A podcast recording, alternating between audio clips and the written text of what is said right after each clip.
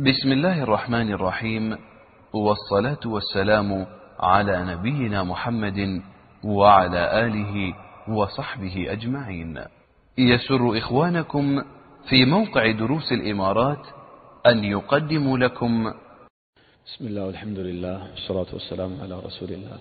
وأشهد أن لا إله إلا الله وحده لا شريك له وأشهد أن محمدا عبده ورسوله أما بعد فلا نزال مع هذه المحاورة اللطيفة التي صاغها الشيخ بن سعدي رحمه الله بين ملحد وناصح. يقول الملحد لا يخفى عليك يا أخي أن الباطل إذا دخل في القلوب وتمكن منها لا يخرج بسهولة. فأريد أن توضح لي توضيحا تاما بطلان ما عليه هؤلاء الملحدون. فإنهم يقيمون الشبه المتنوعة في ترويج قولهم ليغتر به من لا بصيرة له. وهذا من شؤم الشبهات والباطل. الباطل إذا دخل في القلوب وأعرض الإنسان عن نور الله تعالى يزداد تمكنا في القلب يوما بعد يوم. ثم إذا أراد أن يعالجه لا يخرج بسهولة إلا من وفقه الله تعالى وتجرد لله وأقبل على نور الله. وهداه جل جلاله. ففي الحقيقة هؤلاء الملحدون إذا أرادوا أن تزول عنهم الشبهات والشكوك نقول لهم بكل بساطة آمنوا أولا. ليست المسألة مسألة عقل فقط. هناك فطرة في قلب العبد. هذا الإيمان هذا التوحيد فطرة في النفوس. فأنت إذا وافقت فطرتك وآمنت بربك الله تعالى سيهديك. الله يقول إن الذين آمنوا وعملوا الصالحات يهديهم ربهم بإيش؟ بتفكيرهم بأعمالهم. لا قال يهديهم ربهم بإيمانهم. تأمل. بإيمانهم. بخضوعهم لله بإيمانهم الصادق بالله. يزيدهم الله تعالى هدى.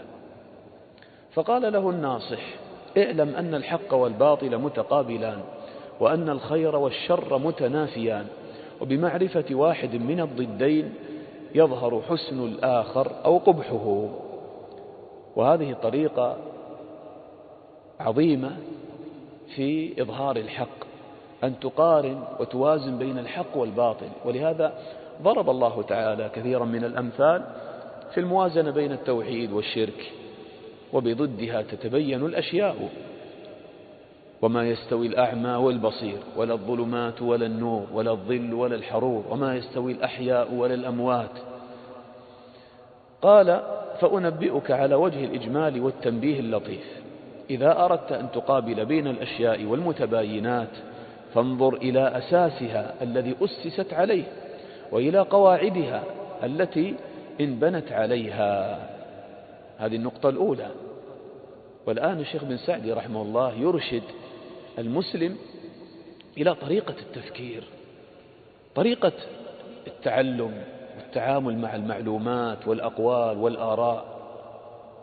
لأن بعض الناس يقول نعم أنا ما تعلمت. وربما يسمع بعض الشبهات يقف عندها.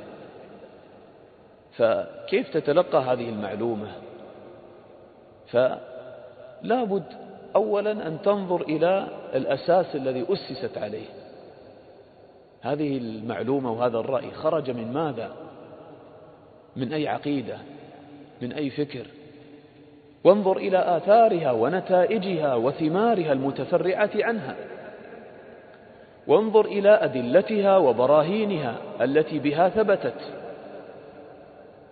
إذا تنظر إلى الأصل تنظر إلى الثمرة تنظر إلى الأدلة والبراهين. قال وانظر رابعا إلى ما تحتوي وتشتمل عليه من الصلاح والمنافع ومن المفاسد والمضار. فعند ذلك إذا نظرت لهذه الأمور بفهم صحيح وعقل رجيح ظهر لك الأمر عيانا. فالآن الشيخ بن سعد يطبق الآن على هذه القاعدة دين الإسلام والإلحاد. فيقول فإذا عرفت هذه الأصول فهذا الدين الحق الذي دعت إليه الرسل عموما وخاتمتهم وإمامهم محمد صلى الله عليه وسلم خصوصا قد بني وأسس على التوحيد والتأله لله وحده. لا شريك له حبا وخوفا ورجاء وإخلاصا وانقيادا وإذعانا لربوبيته واستسلاما لعبوديته.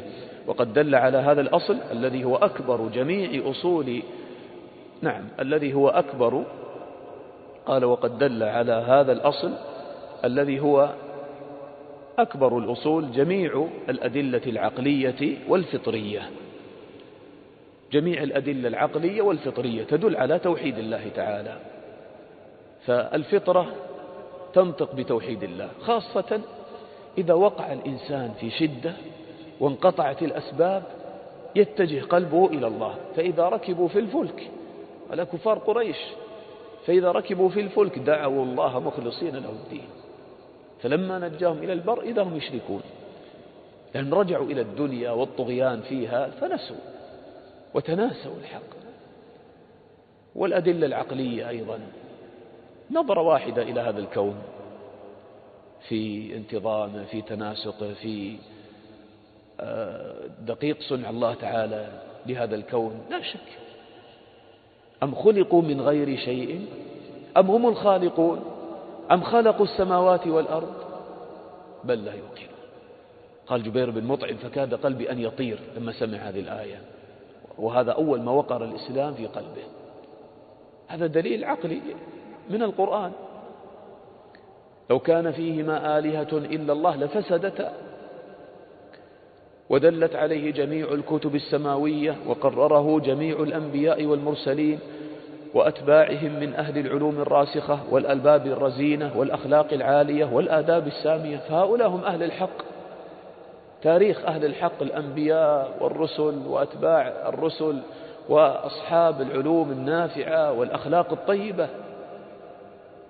كل أولئك اتفقوا على أن الله منفرد بالوحدانية منعوت بكل صفة كمال موصوف بغاية الجلال والعظمة والكبرياء والجمال وأنه الخالق الرازق المدبر لجميع الأمور وأنه منزه عن كل صفة نقص وعن مماثلة المخلوقين وأنه لا يستحق العبادة والحمد والثناء والشكر إلا هو. فالدين الإسلامي على هذا الأصل أسس وعليه قام واستقام. لا إله إلا الله. أول نداء في القرآن يا أيها الناس اعبدوا ربكم. لماذا؟ الذي خلقكم. الذي خلقكم. والذين من قبلكم لعلكم تتقون. الذي جعل لكم الأرض فراشا والسماء بناء وأنزل من السماء ماء فأخرج به من الثمرات رزقا لكم. فلا تجعلوا لله أندادا وأنتم تعلمون. وأما ما عليه أهل الإلحاد فإنه ينافي هذا الأصل غاية المنافاة فإنه مبني على إنكار البارئ رأسا. يعني هؤلاء الملحدون أشد كفرا من مشركي العرب ومن اليهود والنصارى. وممن يعبد الأصنام والبقر و و. لأن كل هؤلاء في النهاية يقرون بربوبية الله يقولون هناك رب هو مدبر هذا الكون لكن نحن نتخذ هذه الوسائط حتى تقربنا إليه. فالنصارى قالوا عيسى يقربنا إلى الله اليهود قالوا عزير يقربنا إلى الله المشركون قالوا الملائكة أو الصالحين أو الأولياء يقربوننا إلى الله ما نعبدهم إلا ليقربونا إلى الله زلفى. يعني هم يقرون بوجود الله بل بأن الله هو الخالق الرازق المدبر. ولئن سألتم من خلق السماوات والأرض ليقولن الله. لكن دخل عليهم الشيطان بهذه الشبهة وأشركوا بالله جل وعلا. دين الإسلام دين التوحيد الخالص ليس بينك وبين الله واسطة في العبادة في المحبة في التذلل. وإذا سألك عبادي عني فإني قريب. لماذا تسأل غير الله؟ الله يسمعك ويراك ويعلم حالك وهو أرحم الراحمين. أتظن أن الله لن يرحمك إلا إذا اتخذت واسطة؟ هذا سوء ظن بالله. فتخيل الملحد أصلا لا يؤمن بوجود الله. فضلا عن الاعتراف له بالكمال وعن القيام بأوجب الواجبات وأفرض الفروض وهو عبوديته وحده لا شريك له. فأهل هذا المذهب أعظم الخلق مكابرة وإنكارا لأظهر الأشياء وأوضحها. فمن أنكر الله فبأي شيء يعترف؟ بالله عليك واحد ينكر وجود الله فبماذا سيعترف؟ فبأي حديث بعد الله وآياته يؤمنون. يعني إذا كان هذا الملحد ينكر وجود الله طبعا هو تنازعه الفطر من الداخل لكن يغالط نفسه يغالط نفسه ويتظاهر بالإلحاد.